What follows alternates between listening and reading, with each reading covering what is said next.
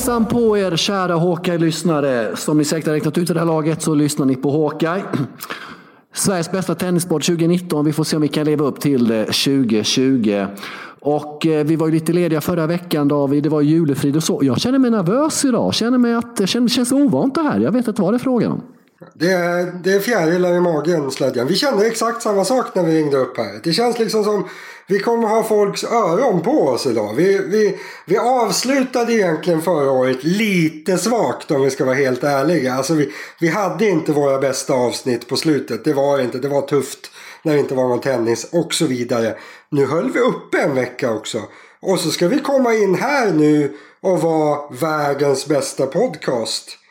Förmodligen, ja. Men det känns som det är lite press här. Det är lite press och med tanke på om vi tar allting i beaktning så tackar vi oss för oss den här veckan. Vi återkommer nästa vecka med ett fullproppat Hawkeye. Nej, vi är bara Nej! David, eh, innan vi går in på ATP Cup som drar igång då 3 januari. Det är väl då det här avsnittet ska finnas ute. Vi spelar in torsdag eftermiddag 2 januari.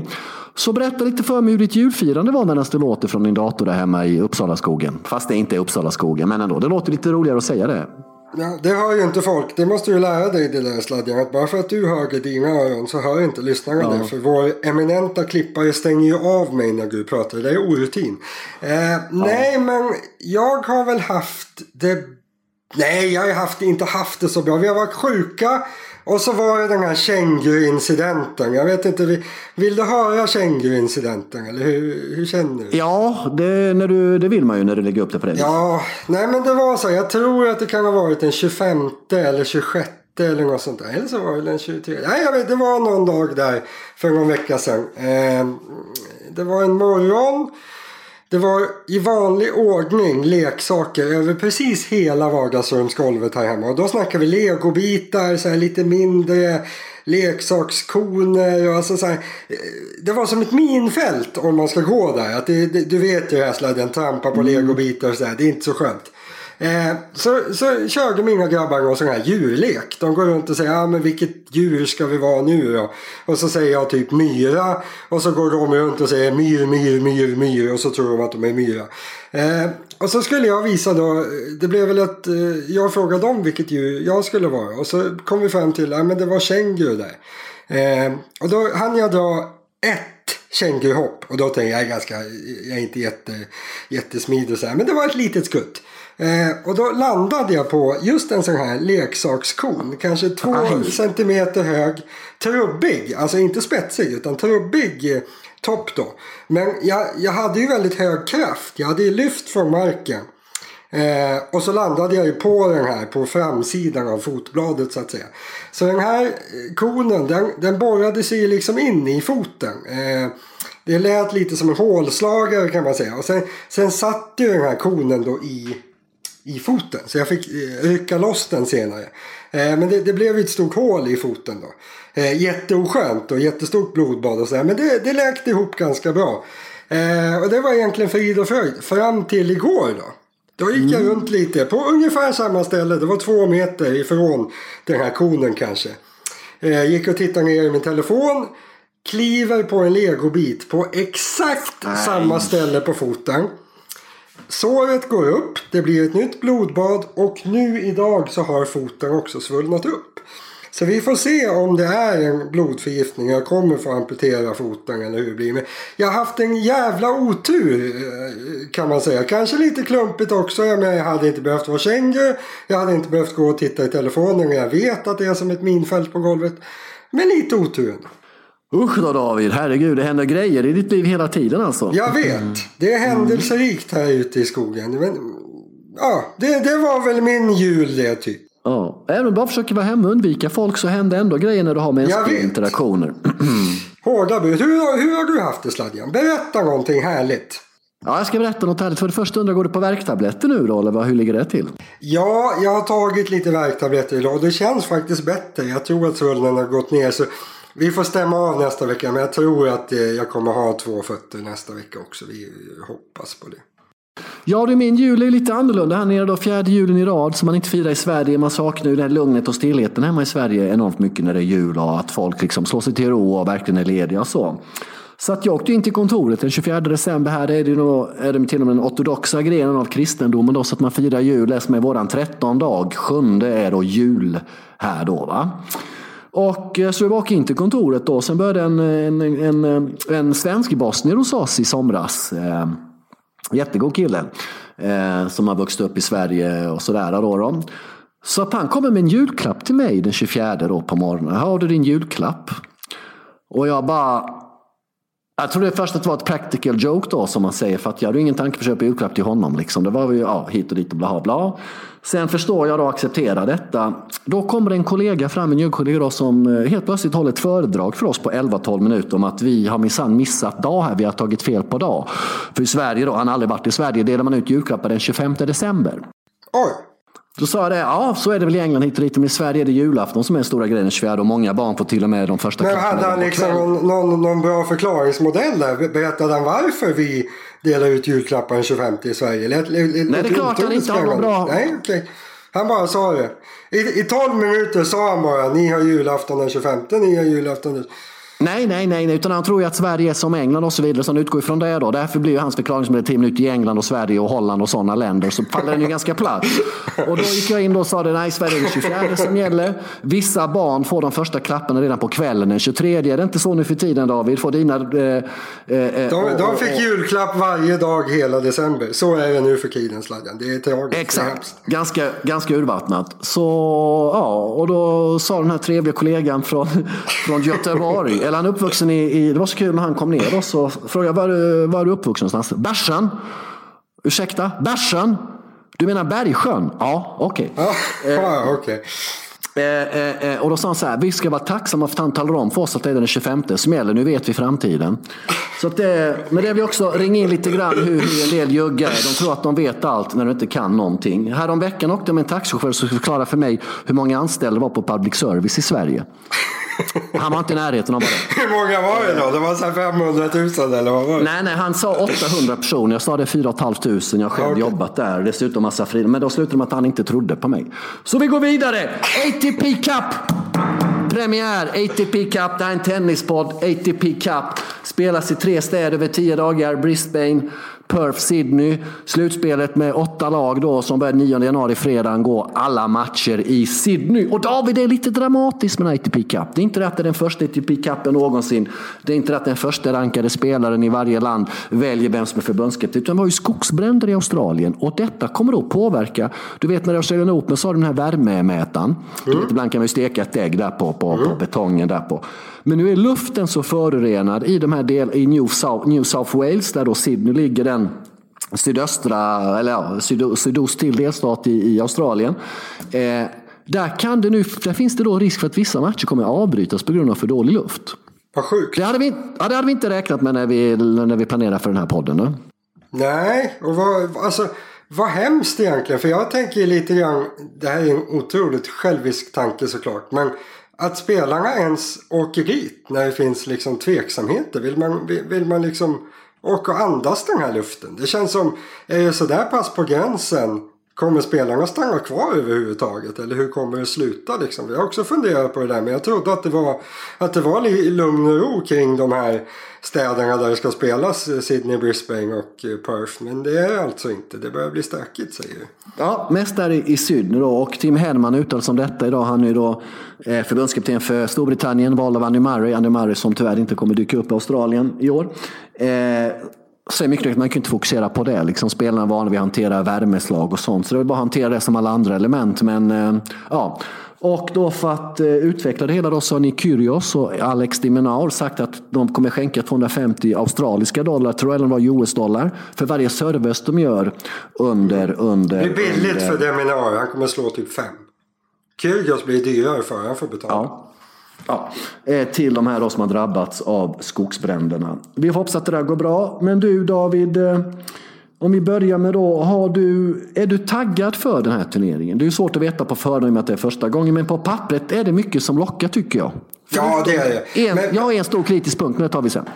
Ja, nej, men framförallt så är man väl sugen på tennis. Alltså nu börjar det börjar kännas liksom krisartat. Vad fan, nu måste vi få titta på tennis igen. Och det känns väl som en ganska rolig start ändå det här tycker jag. För Alltså de här första turneringarna. Ja, det brukar ju vara lite sömnigt. Det är ändå alltid 250 turneringar som inleder året och man vet att det spelar inte så stor roll hur det går hit och dit. Men det här känns ju som Alltså det, det kittlar väl lite mer med det som ATP vill ska vara VM i tennis än vad en ATP-turnering i Indien som det brukar vara den här första veckan eh, lockar. Så, nej men det blir väl kul och så det är ju väldigt många bra spelare på plats för att vara den första veckan. Det brukar ju vara några som spelar i Doha. Ibland har det varit någon som har spelat i eh, Brisbane eller Sydney som har gått den här veckan. Men det har ju varit, alltså de flesta har ju stått över. Nu är det mer att det är några få som står över. Så vi kommer ju få se väldigt många av de bästa i action första veckan här. Så även om man inte vet exakt hur det kommer bli så det lockar i alla fall som bara den. Ja, det är en väldigt bra selling point. Just det, det var väldigt synd att Roger tackade nej där med inget Schweiz. Men vi har Rafa Nadal, vi har Novak eh, Djokovic på plats. Och vad innebär det här för dem? Eh, ursäkta du påbörjar få en hostattack där. Eh, vad innebär det här för dem? Det är en ny typ av uppladdning för dem. Då har ju både Rafa och Novak varit i vanligtvis. Eh, det är ett helt annat upplägg och i Djokovic fall som vi tog upp innan eh, jul så kommer han ju även spela eh, Adelaide var det va? Innan, veckan innan, vilket är väldigt ovanligt för hans del. Hur, hur har tror du deras resonemang inför säsongen har påverkat av det här? Plus att den här turneringen i, i Mubadala Abu Dhabi var ju tidigare lagd och så vidare. Har det haft någon påverkan på dem? Kommer de komma i matchform ännu snabbare nu när det blir bättre sparring? Eller hur, har du tänkt någonting på det?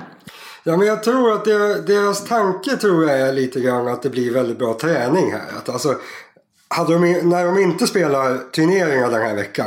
Det är ju inte så att de ligger hemma och käkar chips. Utan då tränar de ju ganska hårt den här veckan. Nu kommer de ju ha väldigt bra möjligheter till att träna förutom matcherna. Då. Så det känns ju som att på så sätt är det en ganska bra ett ganska bra upplägg för dem. De kan även stå över matcher om de vill det. Så de kan välja själva hur mycket de kommer spela. Om någonting inte känns bra, ja, men då står de bara över en lagmatch. Så det är inte som en vanlig turnering där de kommer behöva spela fyra, fem dagar i rad på slutet. Så det känns väl som, som att det är ganska passande. Sen ATP måste ju ha sålt in det här på ett otroligt bra sätt till spelarna. För jag förstår inte riktigt hur de kan ha fått med så många bra. Visst, det är bra med prispengar. 15 miljoner dollar. Det blir ju, måste ju bli ganska mycket till vinnarna. Det delas väl ut lite poäng också och sådär. Men det känns som det, de har ju lyckats med någonting ATP. Att det här verkligen ska bli ett flaggskepp och spelarna med. Eh, men mycket där tror jag träning. De får träna med sina landsmän. De kan träna med spelarna från andra länder och, och sådär. Så de får liksom de får matchträning och ett träningsläger på samma vecka känns det som. Så nej, men det passar väl tror jag. Det, det, jag förstår att de spelar. Mm. Sex grupper av fyra lag, det innebär 24 lag. Min spontana tanke är att det kanske är åtta länder för mycket här, men vi låter det gå en gång så får vi se hur det känns. Ska vi gå igenom grupperna lite fort då? Om, jag frågar dig vilka lag spelar i grupp A, vad säger du då? Ja, eh, Serbien, Frankrike, Sydafrika, Chile. Eh, där är ju Chile strykpojke. De har, Sverige ska möta Chile i Davis Cup förresten i mars. Mm. Eh, de har Garin och Jari. Eh, dåliga hardcourt-spelare. De räcker liksom inte till. Sydafrika, Kevin Anderson tillbaka blir ju kul. Har Harrison tvåa som är hundra i vägen. Eh, klassen, bra dubbelspelare. Men de har ett tuff lottning här. Det blir ju Frankrike och Serbien som gör upp i den här gruppen. Frankrike saknar Tsonga men har Monfils och Per. Och så har vi Serbien. Sladjan, säg något om Serbien. De saknar lite spelare. Ja, du, det är ett jävla speciellt land kan jag säga. Efter att ha bott där i tre år. Uh, mycket de vill inte vara med. Vad, vad, är din eh, teori? Varför, varför inte Krajinovic med? Och inte Jere heller. De spelar Doha båda två. Ja, för det första så är väl Gere, som han själv uttryckte, så jävla kass, fast på serbiska, på hardcourt. Eh, det är väl ena. Det är väl en okej. Okay. Däremot är jag lite förvirrad varför inte Krajinovic spelar som, som eh, var ganska hyfsad i höstas tycker jag. Eh, och är bäst på hardcourt kontra Lajovic då, som vi kan kalla för en traditionell grusspecialist, även om man kanske kan spela lite på hardcourt enligt dig. Så kan jag tycka att det är lite märkligt. Dessutom är Krajinovic och Djokovic väldigt tajta privat och spelade lite dubbel i höstas och sådär också. Men jag vet inte om någonting hände i Davis Cup i Spanien där i Madrid i, i avslutningen på säsongen som, som gjorde att de här besluten är tagna. Eh, jag har ingen aning faktiskt. Nej, jag har faktiskt eh. ingen bra teori. Det känns, det känns märkligt att inte just Krajinovic är med. Det är man, han får väl bra betalt för att spela Doha kanske. Det skulle väl kunna vara en motivering. Men jag vet inte, han borde vilja spela här. Då hade de ju haft alltså Serbien är bland favoriterna nu för att det räcker ju om Djokovic vinner singel plus dubbel och det kan han göra. Han var ganska bra i dubbeln i Davis Cup där senast. Eh, men med Krajinovic i laget då hade de haft en skrällchans på andra singeln mot nästan alla lag i alla fall. Så då hade de ju varit, ja, kanske inte favorit, men i alla fall första utmanare. Nu är de lite längre. Så här, lite konstigt faktiskt att inte Krajinovic är med. Men det, mm. vi, från vissa lag kommer ju två, från vissa grupper kommer två lag gå vidare. Eh, man kan hoppas det. att Serbien och Frankrike går vidare här. Men jag tror faktiskt det kan bli tufft. För man kommer ju behöva ha en otroligt bra matchskillnad för, för att bli en av de här två bästa grupp tvåorna. Och Sydafrika finns ju. Kevin Anderson kan ju slå. Ja, i alla fall Frankrike sätta kan han ju slå där. Så mm, ja, vi får se. Ja, du var inne på det. Sex grupper går vidare och två av de sex bästa grupptvåorna. Så vi får åtta lag då som börjar i kvartsfinalspelet Sydney 9 januari, fredag. Eh, angående Krajinovic så är min högst personliga teori då att om Novak hade velat att Krajinovic spelar ATP Cup så hade Krajinovic åkt dit och gjort det. Ja, det låter väl rimligt. Alltså, eh, ska man skoja till det lite så känns det väl som att Djokovic kan bestämma vad han vill över Krajinovic. Det känns väl som de har lite det förhållandet att han har tagit hand om Krajinovic lite genom åren. Men eh, jag vet inte. Varför skulle han inte vilja ha med sig Krajinovic? Ja, nej, det, det, jag vet inte om någonting har hänt där. Vi får återkomma. Grupp B, vad har vi där att leka med? Spanien. Ja, de lär vinna den gruppen. Nej, men de Vilka slåss om andraplatsen? Ja, alltså Japan, Georgien Uruguay. De är ganska dåliga allihopa. Japan ja. skulle haft med Nishikori. Är inte med nu. Georgien är ju Basilashvili-landet. De har inga andra som spelar tennis. Eh, Uruguay, Pablo Cuevas och inte så mycket mer. Så eh, väldigt svagt motstånd för Spanien som sen har en megabra lottning. De kommer möta en tvåa i kvarten sen. Och så duckar de Ryssland och Serbien i, i, i semin också. Så Spanien kommer nog gå till final eh, på den mm. halvan. Vem är världens mest kände georgier genom tiderna enligt dig? Så här på uppstuds. Oh. Det är rätt svår den frågan. Men det känns som att du har frågat mig förut. Vad sa du? Det känns som du kan ha frågat mig det förut. Vem är det? Nej, det tror jag inte. Jag skulle säga Josef Stalin. Han var ju från Georgien. det, är liksom, det, det, är en dålig kändis. Han var ja. ingen snäll. Nej, nej, jag har inte sagt att han var snäll. Jag sa världens mest kände georgier, sa jag. Jag sa inte världens snällaste. Jag visste georgier. faktiskt inte att han var georgier. Så det här var Jajamän. Ja, Bra tilläggsinformation från historiesladjan. Ja. Snyggt. Grupp C. Belgien, Storbritannien, mm. Bulgarien och Moldavien. Eh, och där okay. blir det, då, det blir Belgien och Storbritannien eh, såklart. Eh, Belgien bästa ettan. Eh, Goffin ska ju slå britternas alltså etta som väl är Evans ja, precis. Eh, så han tar ju den. Sen belgarna har inte så mycket som tvåa så, så britterna tar ju andra singeln där. Så blir avgörande dubbel. Belgien har Gillfliegen som gick sjukt bra på ATP-touren förra året. De slutade väl topp 20 tror jag. Eh, Storbritannien har Murray och Salisbury på dubbeln. Egentligen bättre spelare men de är inte alls samspelta. Så det blir lite 50-50 avgörande i dubbeln där. Bulgarien, Dimitrov såklart. Eh, Kuzmanov som han tvåa. Han spelar lite på Kärlingetouren men är rätt väglös. Moldavien har Albot och sen har de ingen mer som spelar tennis överhuvudtaget. Så svag 3 och 4 i den gruppen. Eh, det blir väl lite nyckeln om de som torskar av Belgien och Storbritannien slår deras etta sen Dimitrov så de vinner den matchen stort och går väl två lag vidare därifrån kanske. Grupp E? Grupp D. Ryssland, Italien, USA, Norge. Det låter väl lite roligare? Ja, Ryssland känns jävligt spännande måste jag säga. Ja, bra lag. Mm. Eh, ganska roligt lag. Rublev är ju och spelar i Doha. Vilket gör att de saknar ju då sin tredje bästa spelare. Eh, grejen är att Ryssland har ju väldigt många så här halvhyfsade spelare som är 100-150 i världen. Men alla de har skitit i den här turneringen tydligen. Så det är Medvedev, Med, Medvedev det är Kachanov och sen är det Gabashvili, Nedelko och Kravchuk. Och du vet ju inte, kanske att du vet vem Gabashvili är? Känner du igen namnet? Jag känner igen namnet men... Ja, han, var, han, var ju topp 100, han var topp 100 för många år sedan. Han, eh, han kallas eh, roboten. Han gör sig som en robot. Eh, väldigt dålig hy i ansiktet. I alla fall. Han, ja, Kraftchuk då? Vad är det för lirare? Ja, Kraftchuk han slutade ju för två, tre år sedan. Lite så här gammal, ja vad säger man? Han, han var inblandad i lite smutsigheter med bettinganknytning några gånger. Eh, han var faktiskt topp 100 i vägen i singel eh, ja, nästan ett år i alla fall, för inte allt för länge sedan. Eh, hyfsade dubbel, men han har lagt av. Han var så dålig på slutet så han, han spelade någon Future-turnering förra året, men det var liksom inte, han, han spelade inte tennis längre. Och sen den här Nedelko som är med i deras lag. Alltså han, han kan inte riktigt spela tennis. Han åker till de här Future-turneringarna i Afrika där ingen annan är med. Han åker liksom fyra veckor till Nigeria och så går han till semi i Future-turneringarna och så får han en ranking. Men när han spelar på Kärlingetouren ibland så är det faktiskt som man undrar om han överhuvudtaget kan spela tennis. Så väldigt stora kontraster i, i, i Rysslands lag kan man säga. Ja. För, ja, de är inte så bra de andra spelarna. Så de får helt enkelt spela allting där om, eh, om de ska lyckas ryssarna med Medvedev och Khachanov. Men det, det ska de väl kunna orka, tycker jag. Har vi det största gapet i ett och samma lag då mellan Medvedev och Kravchuk kan man säga då? För det är ett gigantiskt gap mellan...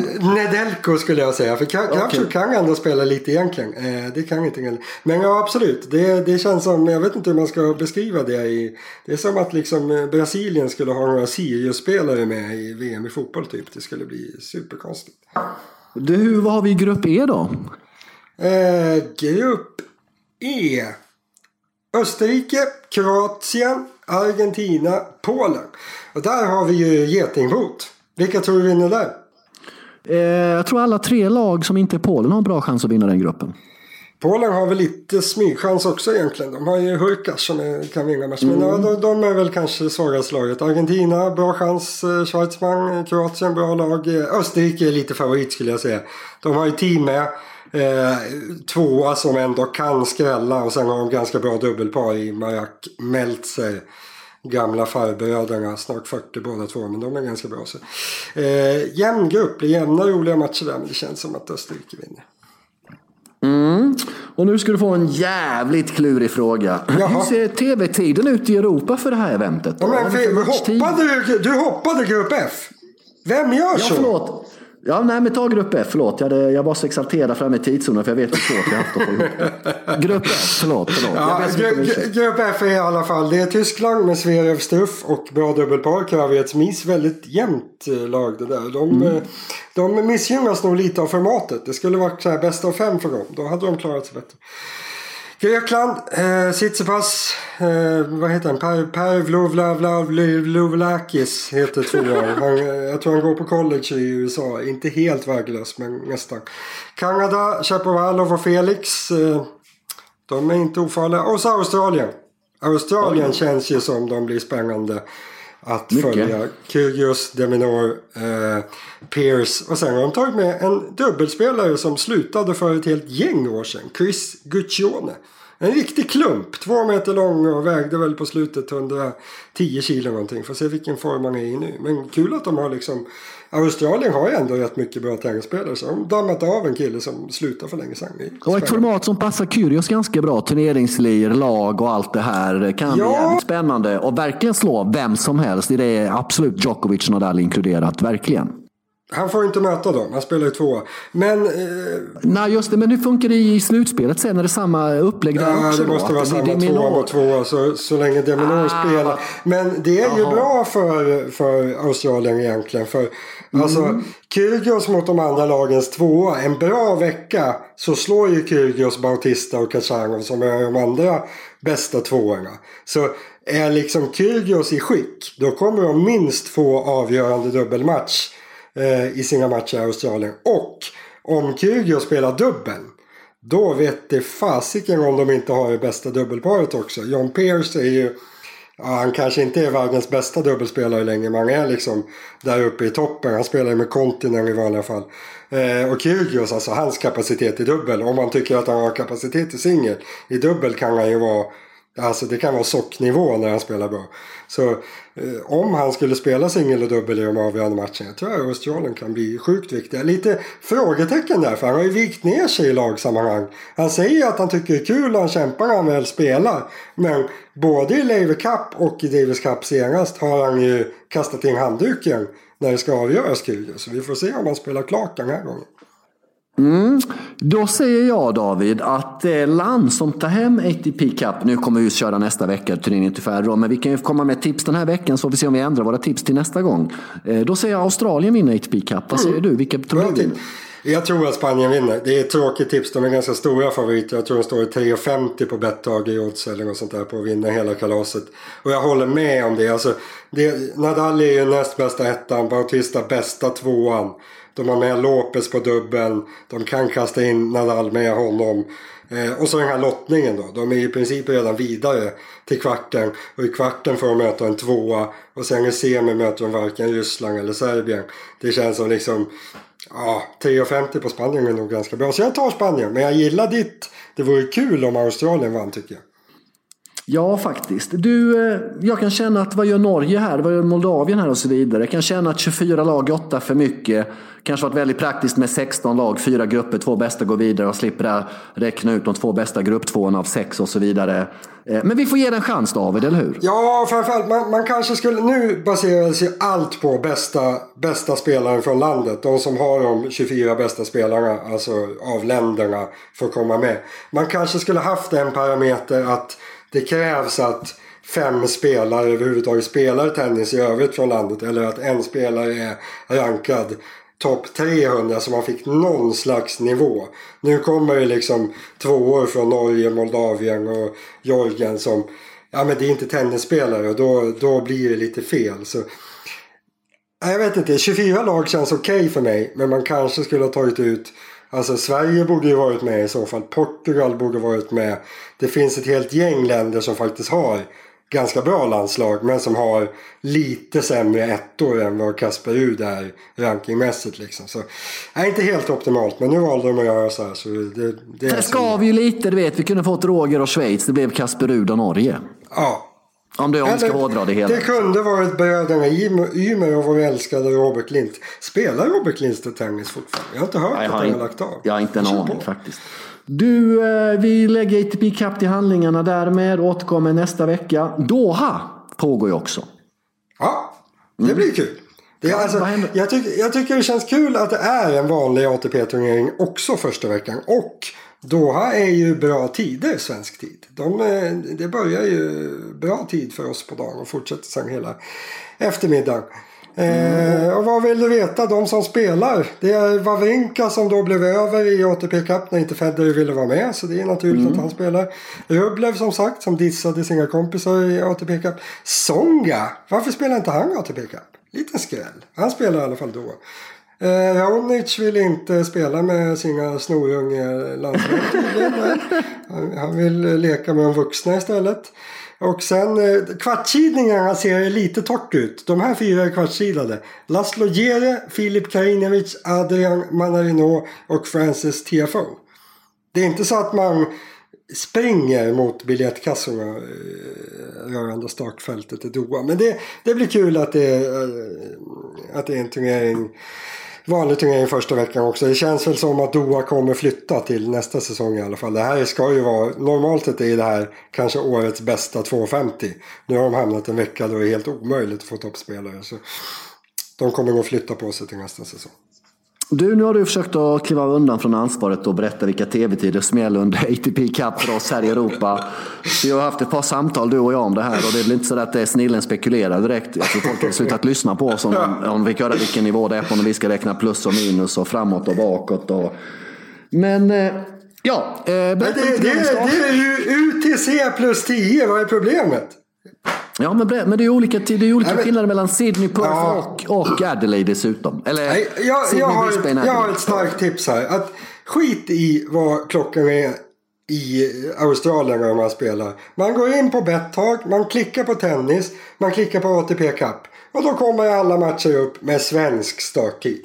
Så jag tycker vi, jag, tycker vi ska avbryta vår, den här, det här geggandet i UTC plus minus hashtag slash brittisk tid. Alltså vi, vi, man, man går till Betthag, man kollar tiderna och så får man se alla odds där. Sen kan man klicka sig vidare till min blogg och allting blir ju fantastiskt mysigt. Så gå dit bara istället.